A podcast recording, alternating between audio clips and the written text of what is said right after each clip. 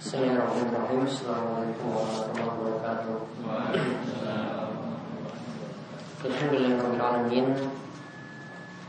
والصلاة والسلام على أشرف الأنبياء والمرسلين نبينا وسيدنا محمد وعلى آله ومن تبعهم بإحسان إلى يوم الدين. اللهم انفعنا بما علمتنا وعلمنا ما ينفعنا وزدنا علما.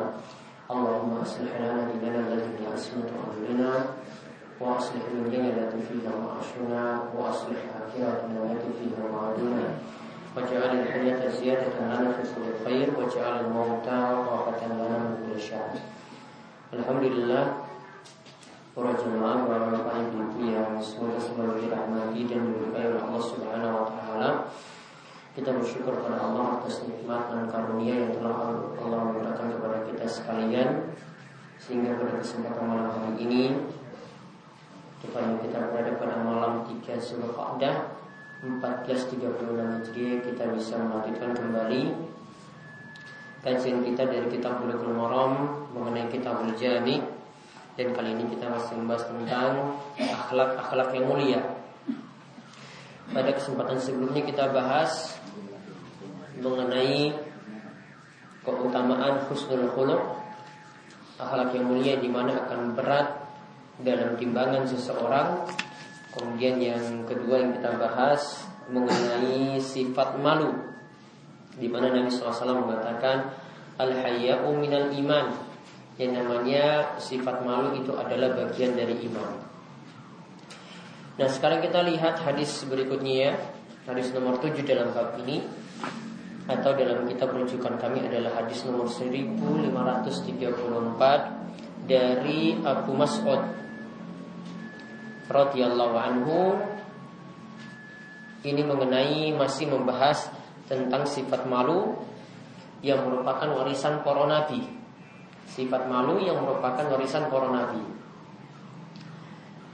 Abu Mas'ud itu berkata bahwasanya Rasulullah Shallallahu Alaihi Wasallam itu bersabda, Inna mimma adrakan nasu min kalamin nubuwatil ula idza lam tastahyi fasna ma syi'ta. Iza lam tastahyi fasna ma syi'ta. Rasulullah Wasallam bersabda sesungguhnya yang ditinggalkan oleh perkataan-perkataan Nabi terdahulu yaitu mereka nyatakan jika engkau tidak punya rasa malu maka lakukanlah semaumu jika engkau tidak punya rasa malu, maka lakukanlah semaumu. Hadis ini akhrajahul Bukhari diriwayatkan oleh Imam Bukhari. Maka kita lihat di sini ada istilah kita bahas istilah terlebih dahulu dikatakan oleh Nabi SAW yang ditinggalkan oleh nabi-nabi terdahulu min kalamin nubuatil ula dari kalam atau perkataan Nabi yang pertama maksudnya perkataan Nabi-Nabi sebelum Nabi kita Muhammad Sallallahu Alaihi Wasallam. Ini berarti perkataan Nabi-Nabi sebelum Nabi Muhammad dan jadi warisan juga kepada kita dari Nabi kita Muhammad SAW itu sendiri. Jadi ini perkataan semacam ini dari Nabi-Nabi sebelumnya sudah ada. Nanti kita akan lihat misalnya dari perkataan Nabi Musa alaihissalam Nanti ada riwayat yang menyebutkan tentang sifat malu yang dimiliki oleh Nabi Musa. Kemudian Izalam tastahyi jika engkau tidak malu fasna ma syi'ta maka lakukanlah semaumu. Sini ada tiga pengertian lakukanlah semaumu jika engkau tidak malu maka lakukanlah semaumu. Ada tiga pengertian. Namun nanti semuanya maksudnya sama.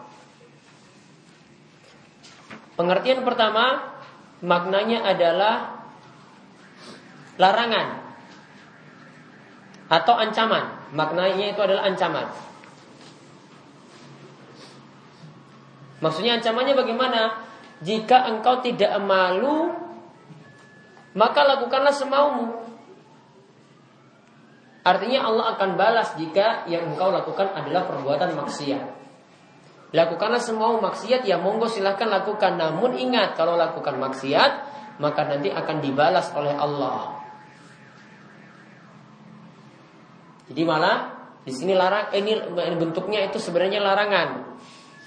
Yaitu terserah kamu melakukan apa pun, maksiat juga terserah lakukan, namun nanti akan dibalas oleh Allah Subhanahu wa taala. Sama seperti perkataan i'malu masyi'tum, ya lakukanlah semaumu. Itu yang disebut dalam surat Fusilat ayat 40. Maksudnya lakukan semaumu tapi nanti akan engkau tahu bahwasanya yang lakukan, engkau lakukan perbuatan jelek itu jelas nanti akan dibalas. Kemudian eh, pendapat yang kedua yang menyatakan bahwasanya maknanya itu adalah perintah. Yaitu maksudnya siapa yang tidak malu maka diperintahkan untuk melakukan apa saja yang dia mau. Siapa yang tidak malu, maka diperintahkan dia lakukan apa saja yang dia mau.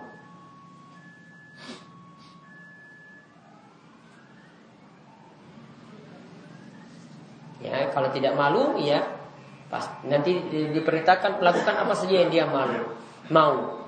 Berarti kalau punya rasa malu, berarti dia tidak akan melakukan sembarangan. Kalau punya rasa malu berarti tidak akan melakukan sembarangan. Maka rasa malu nanti yang akan menghalangi dia dari perbuatan maksiat. Kemudian yang ketiga, maknanya adalah diizinkan melakukan apa pun kalau tidak punya sifat malu. Diizinkan melakukan apa pun kalau tidak punya sifat malu.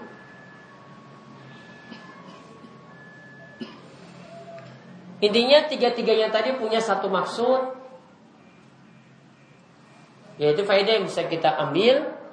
Yang pertama menjelaskan tentang keutamaan sifat malu. Hadis ini menerangkan tentang keutamaan sifat malu.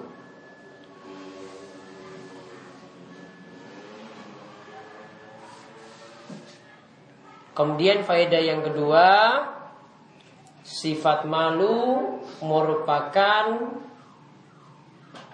warisan para nabi sebelum nabi kita Muhammad sallallahu alaihi wasallam.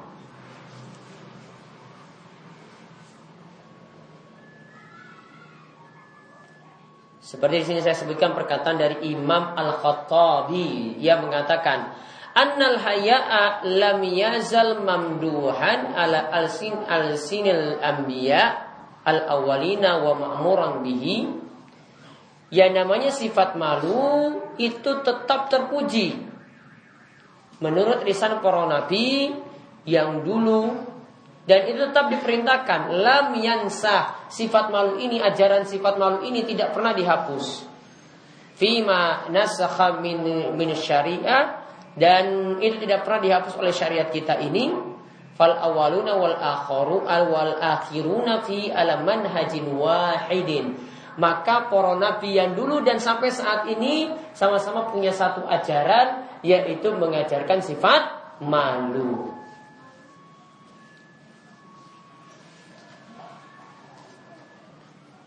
Berarti sifat malu itu merupakan akhlak mulia para nabi. Contoh saya contohkan di sini dikatakan dalam hadis mengenai Nabi Musa alaihissalam yaitu dalam hadis riwayat Bukhari dan Muslim Inna Musa alaihissalam kana hayyan sitiran la yura min jildihi syai'un istihya'an minallah Sesungguhnya Musa itu adalah orang yang pemalu dan benar-benar menutupi diri. Ya, benar-benar menutupi diri. Maka tidak pernah dilihat kulitnya sedikit pun juga karena rasa malunya yang sangat besar kepada Allah Subhanahu wa taala. Dia saking menutup auratnya dengan sempurna. Jadi kulitnya itu yang bagian mungkin bagian dada, ini bagaimana? Itu tidak ada seorang pun yang tahu. Karena rasa malunya yang tinggi dan benar-benar dia selalu menutupi diri. Kemudian ada perkataan lagi dari Umar bin Khattab radhiyallahu anhu. Ia mengatakan ini perkataan yang bagus tentang keutamaan sifat malu. Man qalla hayauhu qalla wara'uhu. Wa man qalla wara'uhu mata qalbuhu. Kata Umar siapa yang rasa malunya dan waroknya? Sedikit. Siapa yang rasa malunya dan waroknya uh, Siapa yang rasa malunya? Sedikit. Maka waroknya Sifat waroknya juga sedikit. Siapa yang rasa malunya itu sedikit Maka sifat waroknya juga sedikit Dan saya jelaskan tentang warok itu apa Ini sudah pernah kita bahas sebenarnya Wa man wara'uhu mata qalbuhu. Siapa yang kurang waroknya maka telah mati hatinya. Siapa yang sifat waroknya itu sudah kurang maka telah mati hatinya. Jadi hati itu makin hidup kalau orang itu memiliki sifat warok. Warok itu artinya benar-benar waspada atau hati-hati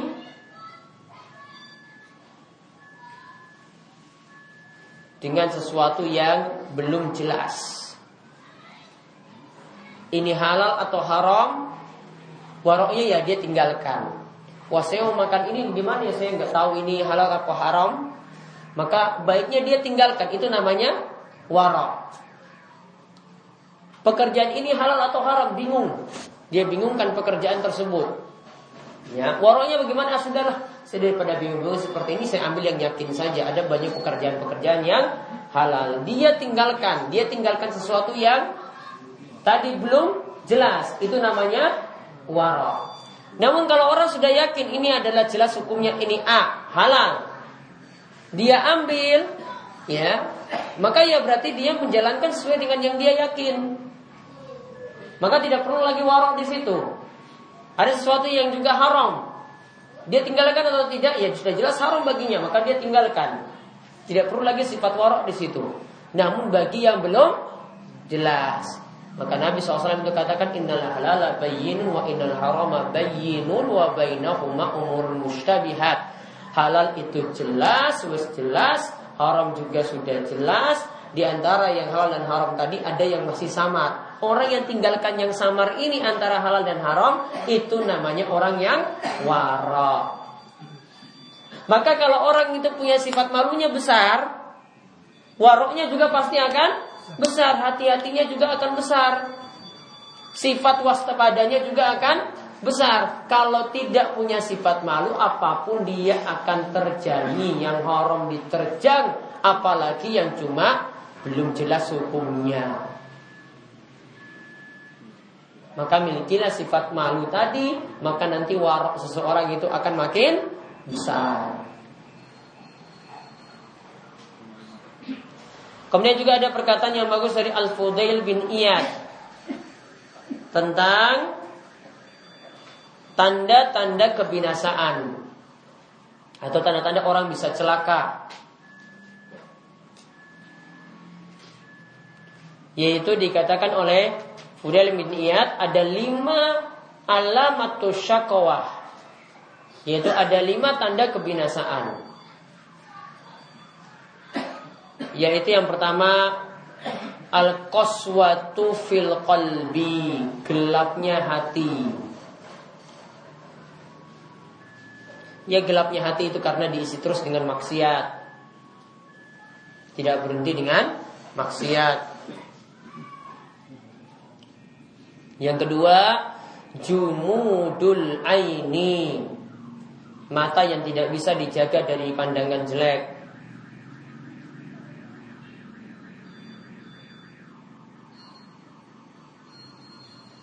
Yang ketiga Killatul haya. Sifat malu yang sedikit pada dirinya.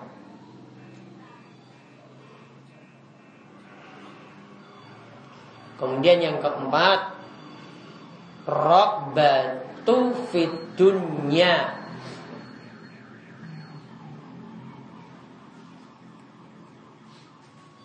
Semangatnya besar pada hal-hal dunia. Berarti dia kalau untuk akhirat itu kurang semangat, namun masalah dunia itu semangat sekali. Kalau disuruh begadang sampai jam 2 nonton bola bisa. Ya. Disuruh bertahan untuk sholat subuh, bangun subuh. Ya itu gara-gara begadang tadi ya subuhnya telat. Gara-gara begadang tadi subuhnya jadi telat. Ya, itu namanya orang terlalu semangat pada dunia, lupa akan akhirat. Lagi kalau sekarang itu di beberapa kampung itu musim turnamen-turnamen ya turnamen voli ke bal-balan ke yang lainnya turnamennya sampai jam 11 ya 11 malam ya subuhnya ya wes jam 6 terus subuhnya. Itu pun kalau ingat. Ya kalau nggak ingat ya sudah 14 terus subuhnya. Untuk 17-an saja ya sampai sholat subuh ketinggalan. Kemudian tulul amli. Angan-angannya panjang. Tidak pikir mati. Ya, Angan-angannya panjang. Tulul amli Angan-angannya panjang Tidak pernah memikir mati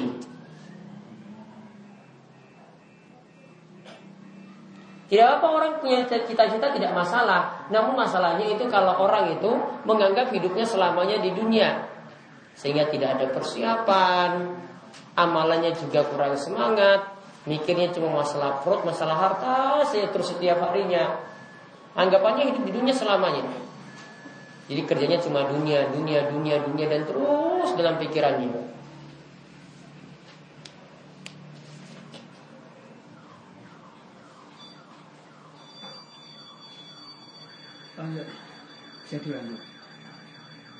Yang pertama, saya ulang. Yang pertama, gelapnya hati ini karena maksiat. Yang kedua, pandangan yang tidak pernah dijaga. Tidak pernah tunjukkan pandangan dari yang haram-haram. Yang ketiga, sifat malu yang kurang. Yang keempat,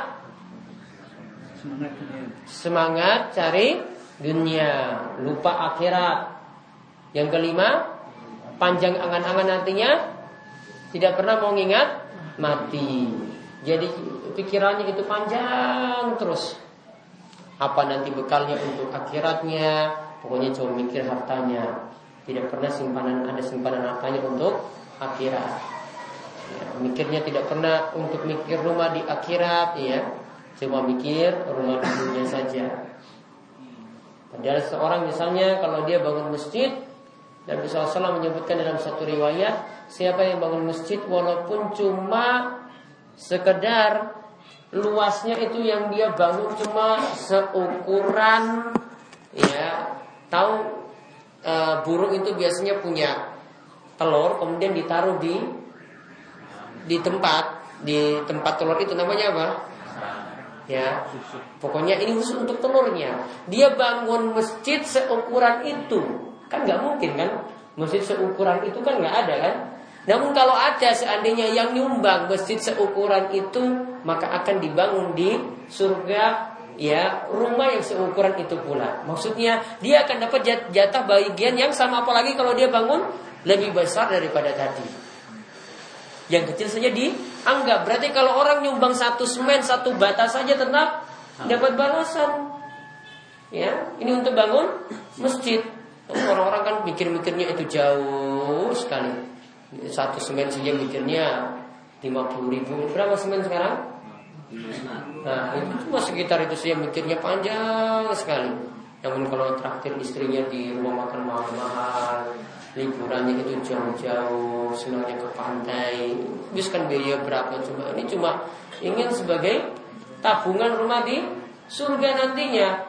Yang di mana sebutkan dalam satu hadis ya man banal masjid di dunia siapa yang bangun masjid di dunia maka Allah akan bangunkan baginya rumah di surga rumah di surga di sini kata para ulama maksudnya dia akan dibangunkan suatu bangunan yang namanya bait nanti di surga.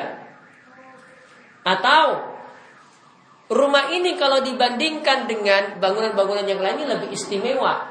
Ya nanti kalau di surga rumah yang dia miliki itu lebih istimewa daripada rumah-rumah yang lainnya yang orang lain miliki. Karena dia bangun rumah tadi ini karena bangun masjidnya di dunia. Maka Allah sediakan baginya rumah. Rumahnya nanti dia miliki di surga lebih baik daripada rumah-rumah lainnya yang ada. Walaupun cuma nyumbang tenaga nyumbang semen nyumbang satu bata saya sudah dapat keutamaan seperti itu. Ya.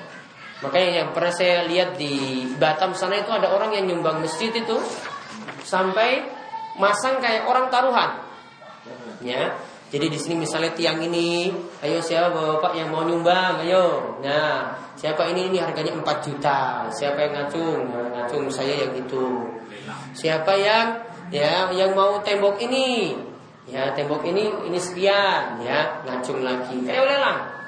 Ya, kayak lelang seperti itu. Akhirnya jadi utuh.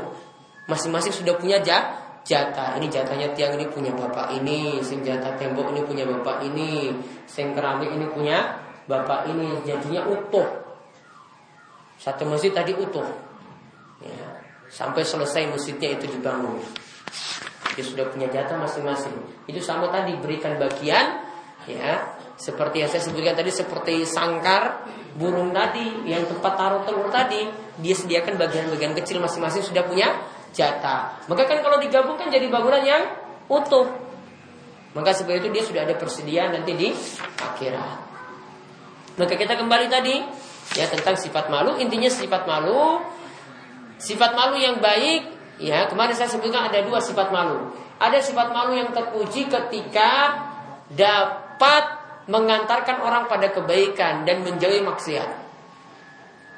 Ya, sifat malu yang baik itu dapat mengantarkan orang pada kebaikan dan menjauhi maksiat. Wah tetangga-tetangga saya semuanya sholatnya di masjid, masa saya sendiri yang tidak? Dia punya rasa malu seperti ini berarti ini merasa malu yang baik, ya. Karena dia merasa malu karena orang-orang semuanya seperti itu sudah baik. Kok saya sendiri yang tidak tidak bisa seperti mereka? Nah ini sifat malu yang terpuji. Nah, kalau lawannya itu adalah sifat malu yang tercela ketika sifat malu tadi membuat orang mudah bermaksiat karena tidak punya rasa ma malu atau bahkan meninggalkan kewajiban karena tidak punya juga rasa malu. Ini berarti rasa malu yang hilang inilah ini yang tercela. Nah, sekarang kita lihat hadis yang kedua tentang masalah orang yang kuat. Orang yang kuat itu yang bagaimana? Yaitu hadisnya saking Abu Hurairah radhiyallahu anhu ia berkata bahwasanya Rasulullah sallallahu alaihi wasallam bersabda Al mu'minul qawiyyu khairun wa ahabbu ilallahi minal mu'minid dha'ifi. Mukmin yang kuat itu lebih baik daripada lebih uh, mukmin yang kuat itu lebih dicintai oleh Allah daripada mukmin yang lemah. Maka beri catatan di sini lihat Nabi SAW katakan gandengkan dengan kata kuat tadi digandengkan dengan mu mukmin. Berarti mukminnya itu bukan punya otot yang besar, bukan punya badan yang berat. Namun namun dikatakan kuat tadi digandengkan dengan mukmin. Berarti kuatnya ini dilihat dari iman, bukan dilihat dari besarnya badan. Maka hadis ini tidak boleh jadi dalil untuk para pegulat. Tidak boleh jadi dalil untuk para petinju, orang pas. Ya, atau para pemain bola atau atletik tidak bisa ini hadis ini tidak bisa dipakai. Ya, mau dia mau jadi punya sprint yang cepat, dia uh, tinju selalu juara, kalau tidak beriman tidak akan masuk dalam hadis ini. Ya, karena di sini dikaitkan kuat tadi dengan apa? Dengan mukmin. Berarti kuatnya ini maksudnya adalah kuatnya iman. Maka maksudnya berarti orang yang kuat imannya lebih baik daripada orang yang lemah imannya. Jadi bukan yang ototnya besar, bukan. Ini tidak bisa jadi jadi dalil wah harus kita besar-besaran otot. Ya, tidak bisa. Dalil asal-asalan itu. Karena di sini dikaitkan sekali lagi dengan mukmin. Maka maksudnya berarti orang yang imannya kuat lebih baik daripada orang yang imannya lemah.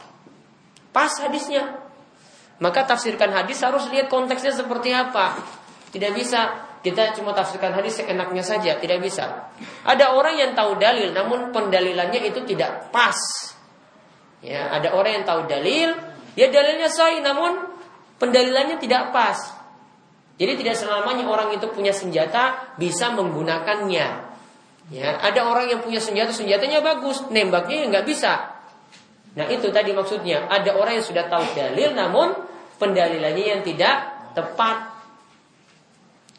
Lalu Nabi katakan wa fi kulli khairun. Ya, setiap mereka tadi sama-sama baik. Artinya orang yang kuat imannya dengan orang yang imannya itu lemah, dua-duanya baik. Baiknya kenapa? Karena sama-sama punya iman. Karena sama-sama punya iman. Kalau tidak ada iman jelas tidak disebut baik. Berarti masih mending orang yang punya iman walaupun lemah daripada tidak punya iman sama sekali. Wa fi kulli khair. Maka setiap mereka tadi sama-sama baiknya. Nah, kemudian setelah itu Nabi SAW jelaskan tentang nasihat bagi kita biar bisa mendapatkan manfaat pada sesuatu. Orang mau sukses kerja, orang mau sukses untuk kuliah, orang mau sukses belajar, ini sudah diajarkan oleh Nabi Shallallahu Alaihi Wasallam. Bagaimanakah kiat sukses? Nabi SAW mengatakan ihris alama yanfa'u. Itu syarat yang pertama untuk sukses. Ihris alama yanfa'u. Bersemangatlah pada hal yang bermanfaat untukmu. Hal manfaat ini bisa jadi hal dunia, perkara dunia, atau perkara akhirat. Kalau perkara dunianya itu manfaat, terus lakukan, semangatlah. Kalau dalam masalah akhiratnya juga manfaat, teruslah lakukan.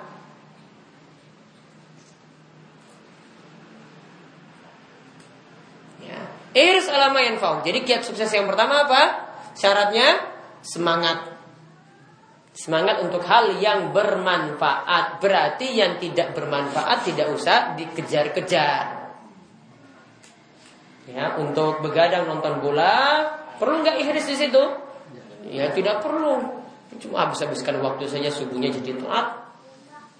Maka tidak perlu semangat di situ. Buktinya saja tidak manfaatnya ya golnya ya pentingnya cuma 2 menit disuruh tunggu 90 menit. Coba yang biasa lihat YouTube coba. Lihat golnya di situ kalau diringkas jadi berapa menit coba ditayangkan. Ada yang pernah golnya ringkas jadi satu jam coba? Gak pernah itu golnya ringkas satu jam paling cuma diringkas jadi dua menit. Yo berarti pertandingan pentingnya cuma dua dua menit saja 90 menit yang lainnya sia-sia. Ngapain dia ringkas-ringkas sampai jadi dua menit? Maka yang pertama iris alama yang bersemangatlah pada hal yang manfaat. Yang kedua wasta'in billah minta tolong pada Allah atau banyak berdoa.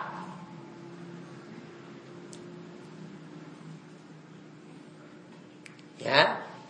Banyak berdoa. Jadi kiat sukses yang kedua bukan saja kita semangat artinya usaha ya, namun juga disertai doa. Tanpa doa tidak mungkin orang itu dapat sukses bisnisnya mau sukses ya tetap kerja, tetap buat kreasi, buat inovasi. Namun jangan sampai lupakan doa.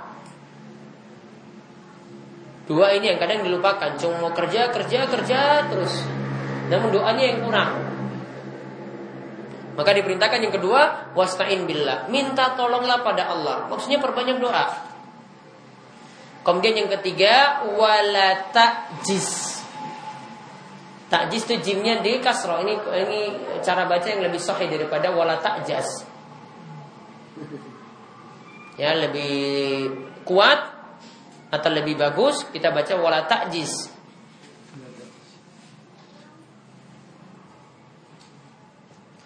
Maksudnya di sini wala ta'jiz janganlah patah semangat atau jangan putus asa.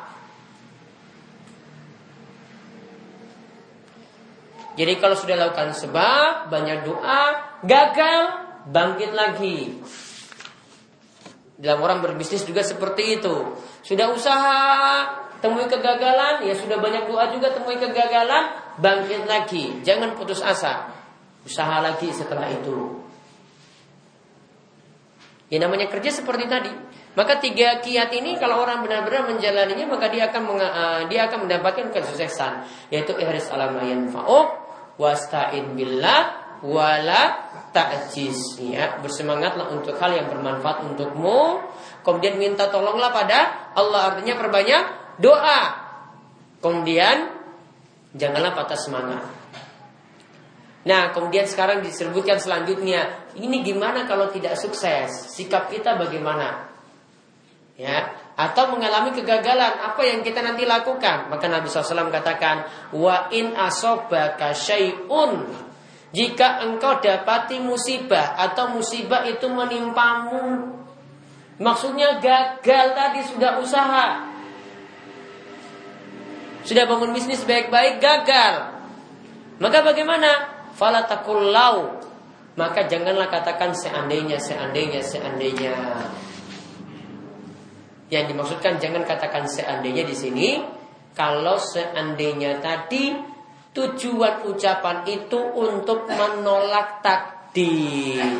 Tidak terima pada takdir. Maka tidak boleh. Wah seandainya seperti seperti ini namun dia maksudnya menggerutu pada takdir. Nggak boleh namun kalau orang itu kena musibah, kena bencana, dia mau pasrah dan dia katakan bahwasanya wah saya pasrah pada takdir, ini sudah jadi takdir Allah. Dia pasrah pada takdir tadi ini bukan mencela takdir. Yang ter, yang terlarang tadi kalau dia sampai mengatakan seperti itu tadi seandainya namun tujuannya untuk menentang takdir Allah atau tidak terima pada takdir Allah. Yaitu dia katakan, ya fala takut janganlah engkau katakan lau anni fa'altu kana kada wa kada seandainya dulu aku lakukan ini dan itu pasti nanti berhasil seperti ini. Tujuannya apa tadi? Ingin menentang takdir, tidak terima pada takdir. Maka tidak selamanya kata seandainya itu tidak dibolehkan. Ada seandainya yang dibolehkan, ya cuma menerangkan sebab. Oh seandainya tadi malam belajarnya benar, ya mungkin seperti ini. Dia cuma memberitakan saja. Kalau seandainya yang dia ucapkan itu tujuannya untuk tadi tidak terima pada takdir, nah itu baru jadi masalah besar. Nah kemudian yang dianjurkan apa kalau kita tidak mengatakan seandainya ini yang dianjurkan kalau menemui kegagalan walakin kul akan tetapi ucapkanlah Qadarallahu wa masya'a fa'al. Kita bisa ucapkan kalimat yang tekstual seperti ini Qadarallahu wa masya'a fa'al. Ini sudah jadi ketentuan Allah. Dan apa yang Allah kehendaki pasti terjadi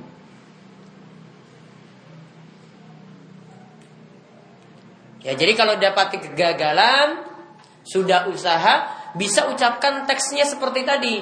Qadarullahu wa masya'a fa'al. Yaitu ini sudah jadi ketentuan Allah. Apa yang telah Allah kehendaki itu pasti ter terjadi. Saya mau usaha apa pun, kerja keras bagaimanapun, banting tulang bagaimanapun, kalau Allah sudah tentukan seperti ini ya sudah. Tidak bisa menentang takdir Allah. Tidak bisa kita melawan takdir Allah. Fa inna lau kembali ke perkataan lau tadi seandainya karena lau atau seandainya tadi taftahu amala syaitan itu membuka pintu syaitan. Karena jadi orang itu protes pada takdir.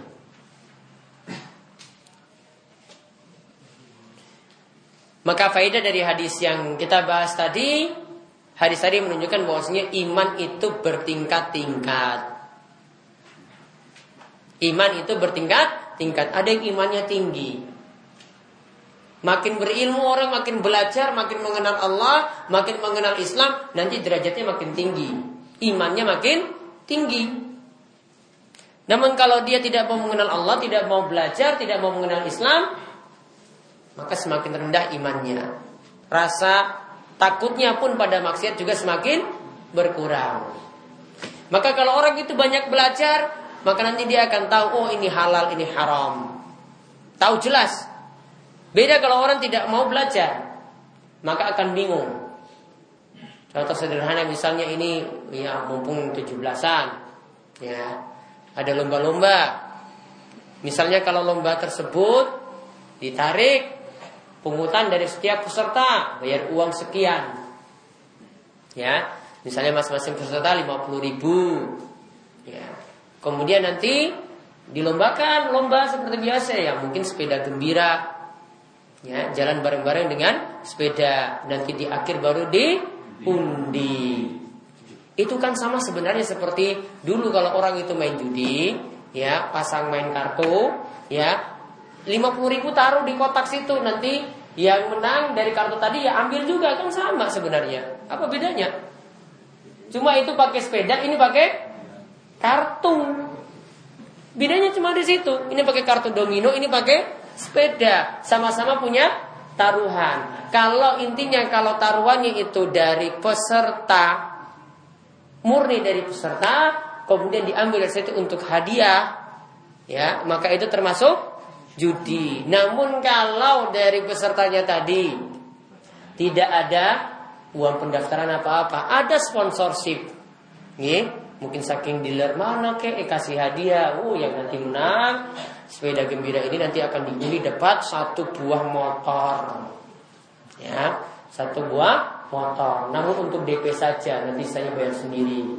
Misalnya, ya. Kalau seperti itu boleh atau tidak? Boleh ya karena tidak ada peserta yang setorkan uang pendaftaran. Seperti ini ada atau tidak? Ya ada saja kalau ada orang yang mau berbuat baik, ya misalnya Pak Nasir misalnya ingin berbuat baik, ya gitu caranya.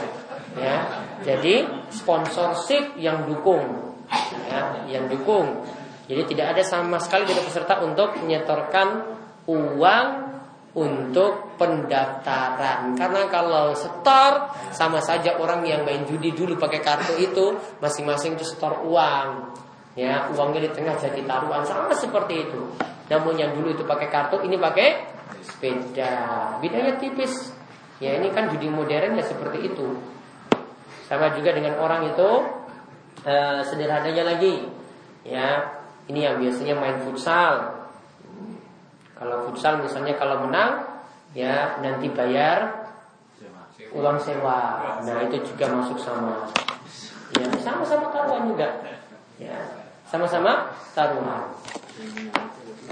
Itulah yang disebut dengan maisir di dalam ayat Al-Quran itu disebut dengan maisir. Ada taruhan seperti itu. Seperti dikatakan oleh Ibnu Arabi, dia katakan yang namanya judi itu jika masing-masing pihak itu menyetorkan ya taruhan nanti yang golaba yang menang dari aktivitas entah di situ aktivitas fisik atau cuma ucapan saja saling lomba maka yang menang nantinya itu yang mendapatkan dari taruhan tadi. Nah itulah yang namanya maisir atau judi atau disebut juga dalam bahasa fikihnya dengan kimar ya disebut dengan itu. Nah kalau orang itu tahu ilmu belajar maka dia nanti bisa tahu dengan jelas oh ini tidak dibolehkan. Karena dari belajar namun kalau orang tidak tahu ya sudah seenaknya saya dia lakukan. Ah ini kan yang penting dapat uang. Ah yang penting kan ini dapat sepeda yang penting kan ini dapat motor dan seterusnya. Tidak pandang ini halal ini haram dan seterusnya. Ya. Maka kita kembali tadi Semakin kuat iman seseorang, imannya itu makin kuat kalau dia itu belajar. Kalau tidak belajar ya sulit ya bagaimana dia itu meningkatkan iman kepada Allah. Dan ini menunjukkan juga faedah yang lainnya, iman itu yazid wa yangkus. Iman itu bisa bertambah dan bisa berkurang. Karena dikatakan ada orang yang imannya kuat, ada orang yang imannya lemah. Maka berarti iman itu ada yang besar, ada yang kecil. Artinya iman itu bisa bertambah dengan ketaatan dan iman bisa berkurang dengan maksiat. Ini keyakinan dari al-sunnah wal jamaah. Al-sunnah wal jamaah itu punya prinsip atau keyakinan al-imanu qaulun wa amal wa i'tiqadun, al-imanu yazidu wa yanqus. Ada dua prinsip dalam masalah iman, yaitu iman itu adalah perkataan, kemudian perbuatan, ya, perbuatan atau amalan dan keyakinan. Iman itu bisa bertambah dan bisa berkurang. Berbeda dengan keyakinan dari kalangan murjiah. Ini sudah saya sebut kemarin. Murjiah itu apa murjiah? Orang yang mengeluarkan amalan dari apa? Iman. Jadi dalam iman itu tidak ada amalan. Ya, jadi kita cukup mengucapkan la ilaha illallah saja, yakin dalam hati walaupun tidak sholat, sudah disebut imannya itu sah. Itu gampangannya seperti itu. Jadi nganggap amalan itu yang penting tidak ada ya tidak masalah. Orang tidak ada sholat tidak masalah yang penting ada keyakinan dalam hati atau minimal yang tadi diucapkan dalam lisan untuk kalimat la ilaha illallah tadi tidak memasukkan amalan dalam iman. Ini keyakinan dari pemahaman murji'ah. Ini pemahaman yang menyimpang. Kemudian hadis ini juga menunjukkan perintah untuk bersemangat dalam hal yang bermanfaat baik untuk urusan dunia maupun akhirat. Kemudian juga hadis ini menunjukkan kita hendaklah minta tolong pada Allah dalam urusan dunia maupun akhirat. Mau minta dunia ya banyak-banyak berdoa, mau minta masuk surga juga lepas dari neraka juga banyak-banyak berdoa. Jangan cuma urusan dunia saja, urusan duit saja ketika itu banyak-banyak doa. Untuk masuk surga nggak pernah berdoa. Kemudian di sini juga menunjukkan untuk tidak patah semangat. Artinya tetap terus sabar. Ketika menemui kegagalan orang bisnis gagal, sabar. Sabarnya bangkit lagi, berusaha untuk bangkit lagi. Kemudian di sini juga mengajarkan kita hendaklah mengimani takdir. Ya, mengimani takdir. Jadi apa musibah yang kita peroleh, kegagalan yang kita peroleh, kita harus pahami itu adalah dari takdir Allah Subhanahu wa taala. Kemudian yang berikutnya juga karena dikatakan lau itu membuka pintu setan berarti kita diperintahkan untuk menjauh dari tipu daya setan. Bahkan bukan saja kita menjauh, namun kita dalam aktivitas kita itu jangan sampai mirip juga dengan aktivitas setan. Contoh yang Nabi SAW katakan, Nabi katakan setan itu biasanya makan dengan tangan kiri. Minum dengan tangan kiri. Maka kita lakukan sebaliknya kata Nabi. Maka kalian makanlah dengan tangan kanan, minum dengan tangan kanan.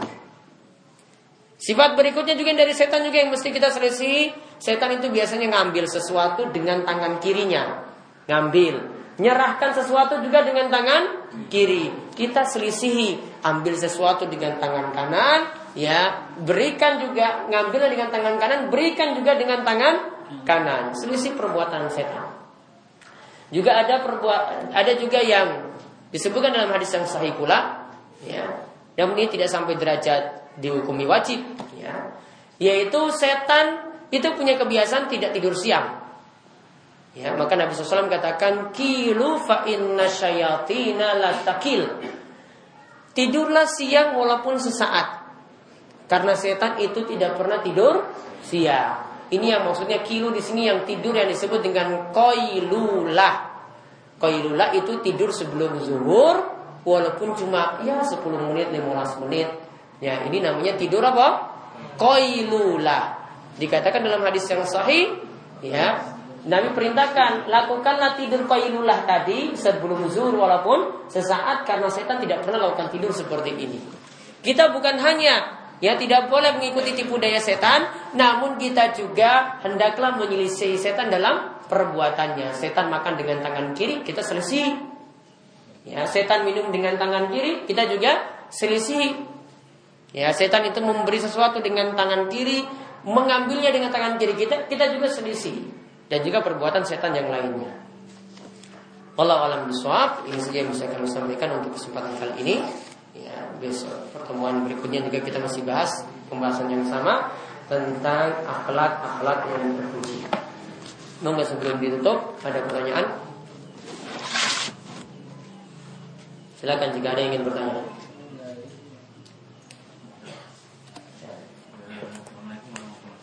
Waalaikumsalam warahmatullahi wabarakatuh.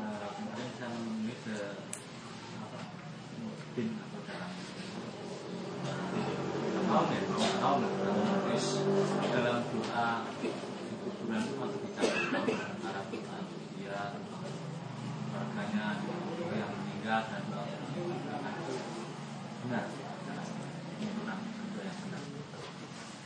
ini berdoa ketika di ketika ziarah kubur. Ya, ziarah. Apa sudah dimakamkan? Setelah dimakamkan. Setelah dimakamkan langsung doa seperti itu. Ya. Jadi dia berdoa untuk untuk dirinya sendiri, untuk dirinya sendiri, keluarganya, untuk orang lain dan untuk semuanya itu dicampur. Asalnya sekali. Iya asalnya masih boleh. Masih boleh. Masih boleh. Terus keduanya itu beliau itu mentalkin setelah orang itu dikubur. Mentalkin setelah dikubur. Talkinnya bentuknya gimana? Ya kayak dia masih masih baca dan ilallah itu lagi. Dia bilang Baca la ilallah berarti talqin la ilallah setelah dikubur. Tidak manfaat. Tidak ada manfaat.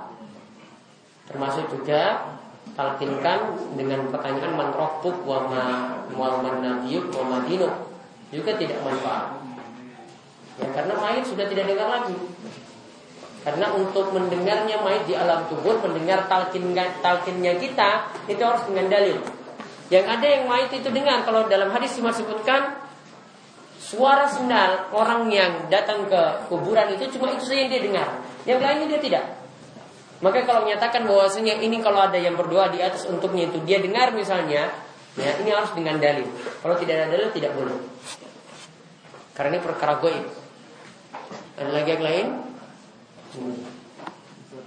Terus saya tanyakan mengenai takdir masalah rezeki atau umur. Ketika kita punya usaha kemudian kita ingin mengembangkan usaha kita punya satu cabang bakso kemudian mau buat cabang lagi. Apakah hal tersebut cabang yang satunya ini untuk menyegerakan rezeki kemudian takdir rezeki kita itu bagaimana kalau kita mengembangkan usaha dengan buka cabang atau begitu apa itu akan mengurangi data kita untuk hari tua tidak juga jadi kalau orang itu buka cabang, apakah itu mengurangi rezekinya untuk hari itu? Tidak. Tidak seperti itu. Ya kalau Allah takdirkan untuk cabang yang baru ini rezekinya sekian, ya nanti rezeki di waktu tuanya nanti ada selalu sendiri itu masalah lain. Kait asalnya boleh, selama orang itu masih bisa bersyukur, tidak boleh mengeluh jika buka cabang baru kemudian tidak berhasil misalnya dia tidak mengeluh dengan takdir Allah ketika tidak berhasil Pokoknya dia jalani saja dan rezeki yang diberikan ketika itu ya sudah itu jatahnya untuk saat itu. Ini tidak mesti mengurangi rezeki yang ada nanti di hari berikutnya. Tidak. Karena untuk rezeki yang berikutnya nanti Allah atur lagi. Ada lagi yang lain? Ini. Masalah tidur kan, larangan tidur setelah sholat subuh itu derajatnya haram atau makruh? Larangan tidur setelah sholat subuh.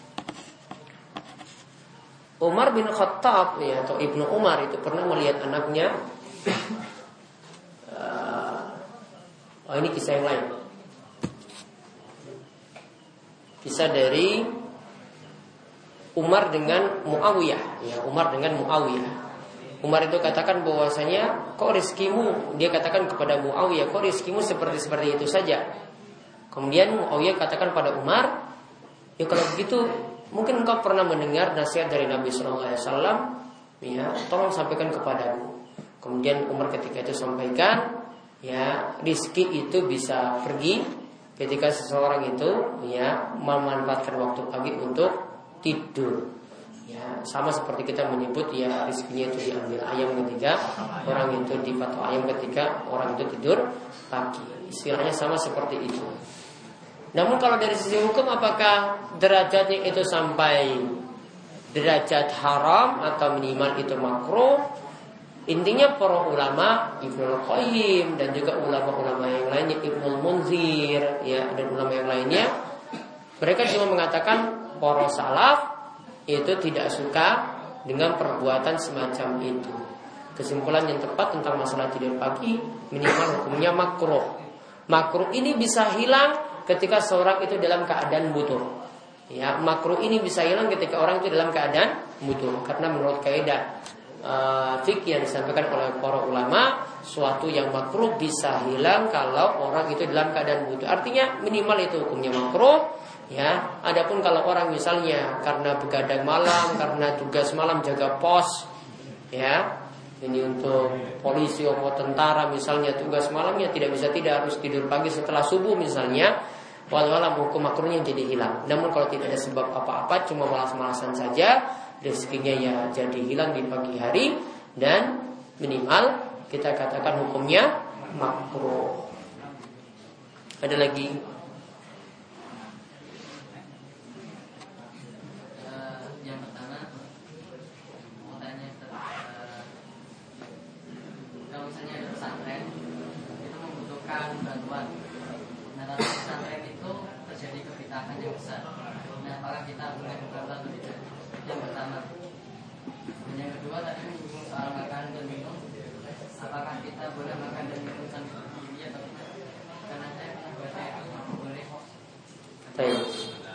Bolehkah makan dan minum sambil berdiri? Belum saya jawab.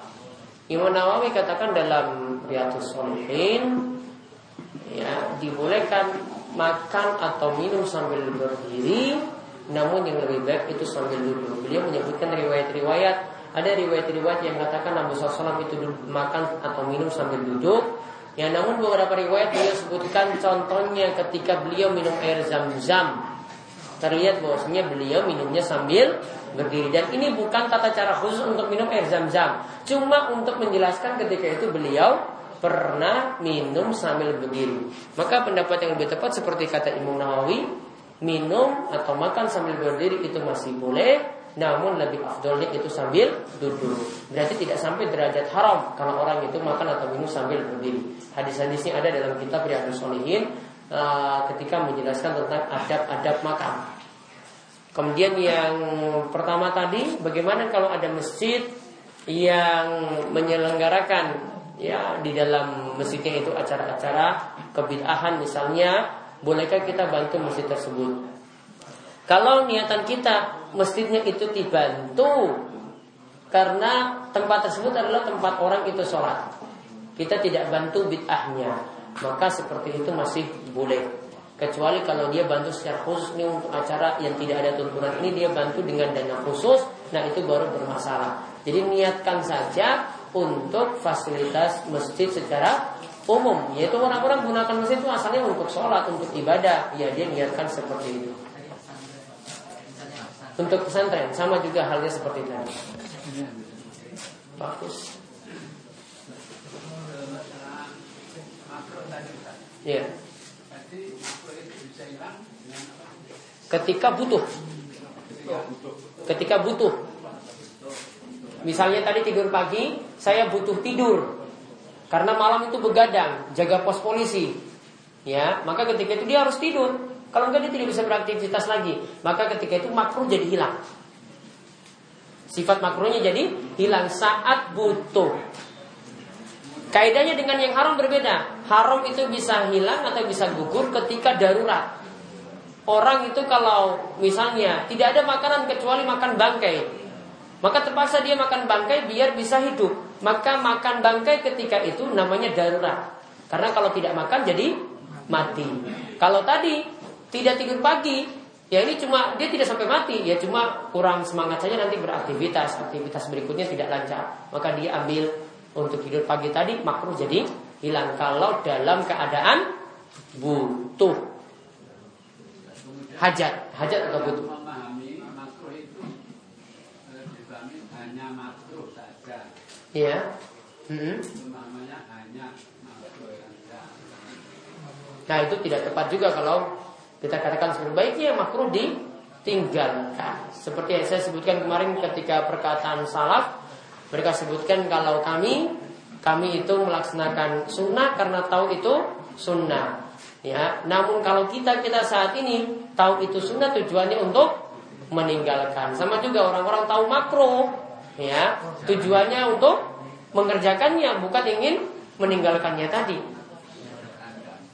Maka makruh itu tujuannya untuk ditinggalkan juga sama seperti hal. Ada lagi yang lain? Panasir?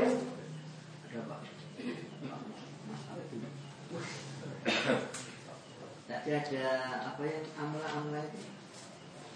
Tulul amli? Tulul amli. Panjang angan Tulul amli itu termasuk sifat yang jelek. Ya. Tapi di Al-Kahfi ada khairul amalan. Khairul Amalan itu di mana kategorinya? Coba lihat kalimat selanjutnya atau sebelumnya apa? Al-malu al-banuna Zinatul hayati dunia wal baqiyatus solihatu khairun inda rabbika sawaba wa khairun amala. Harapan yang baik itu amalan itu maksudnya cita-cita atau harapan yang baik. sama-sama amalan. Sama-sama amalan juga. Ya. Tapi itu ada tul. Tul itu panjang. Tulul amli. Panjang angan-angan. Pakai alif, pakai hamzah. Kalau tentang itu al-mal wal banuna zinatul hayati dunia, anak dan harta itu perhiasan dunia, wal baqiyatus sholihat, baqiyatus sholihat itu para ulama bersisi pendapat. Ada yang katakan itu bakia itu artinya kekal. Solihat itu amalan soleh. Amalan soleh apa yang kekal? Nah itu para ulama bersisi pendapat. Ada yang katakan sholawatul khamsu, sholat lima waktu. Ada yang katakan kalimat Subhanallah walhamdulillah wa la illallah wallahu akbar la haula wala quwata illa billah. Lima kalimat. Subhanallah, alhamdulillah, la ilaha illallah, Allahu akbar, la haula wala quwata illa billah. Ada yang katakan juga bangun masjid. Ya, bangun masjid itu juga jadi al-baqiyatus sholihat. Ada lagi yang lain? Sampun? Ada lagi para? Pengumuman Ustaz. Nanti rapat teman-teman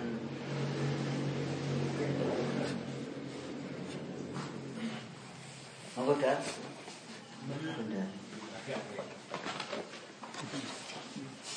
Assalamualaikum warahmatullahi wabarakatuh. Penjelasan dari Ketua Kajian Bahasa Arab Ustaz Ari Wahidi akan berlanjut lagi. Karena itu pesan dari Ketua Mas Wahyu nanti habis ini berkumpul dulu rapat sebentar untuk menentukan hari dan Jam.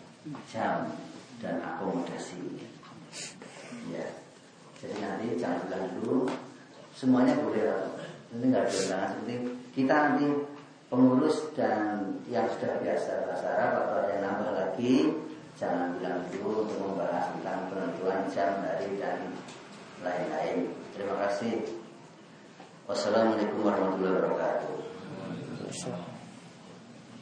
Baik, demikian kajian kita untuk kesempatan malam hari ini kita tutup kalian doa kafaratul majelis. Subhanakallahumma bihamdika asyhadu an la ilaha illa anta astaghfiruka wa atubu ilaik. Assalamualaikum warahmatullahi wabarakatuh. 来来来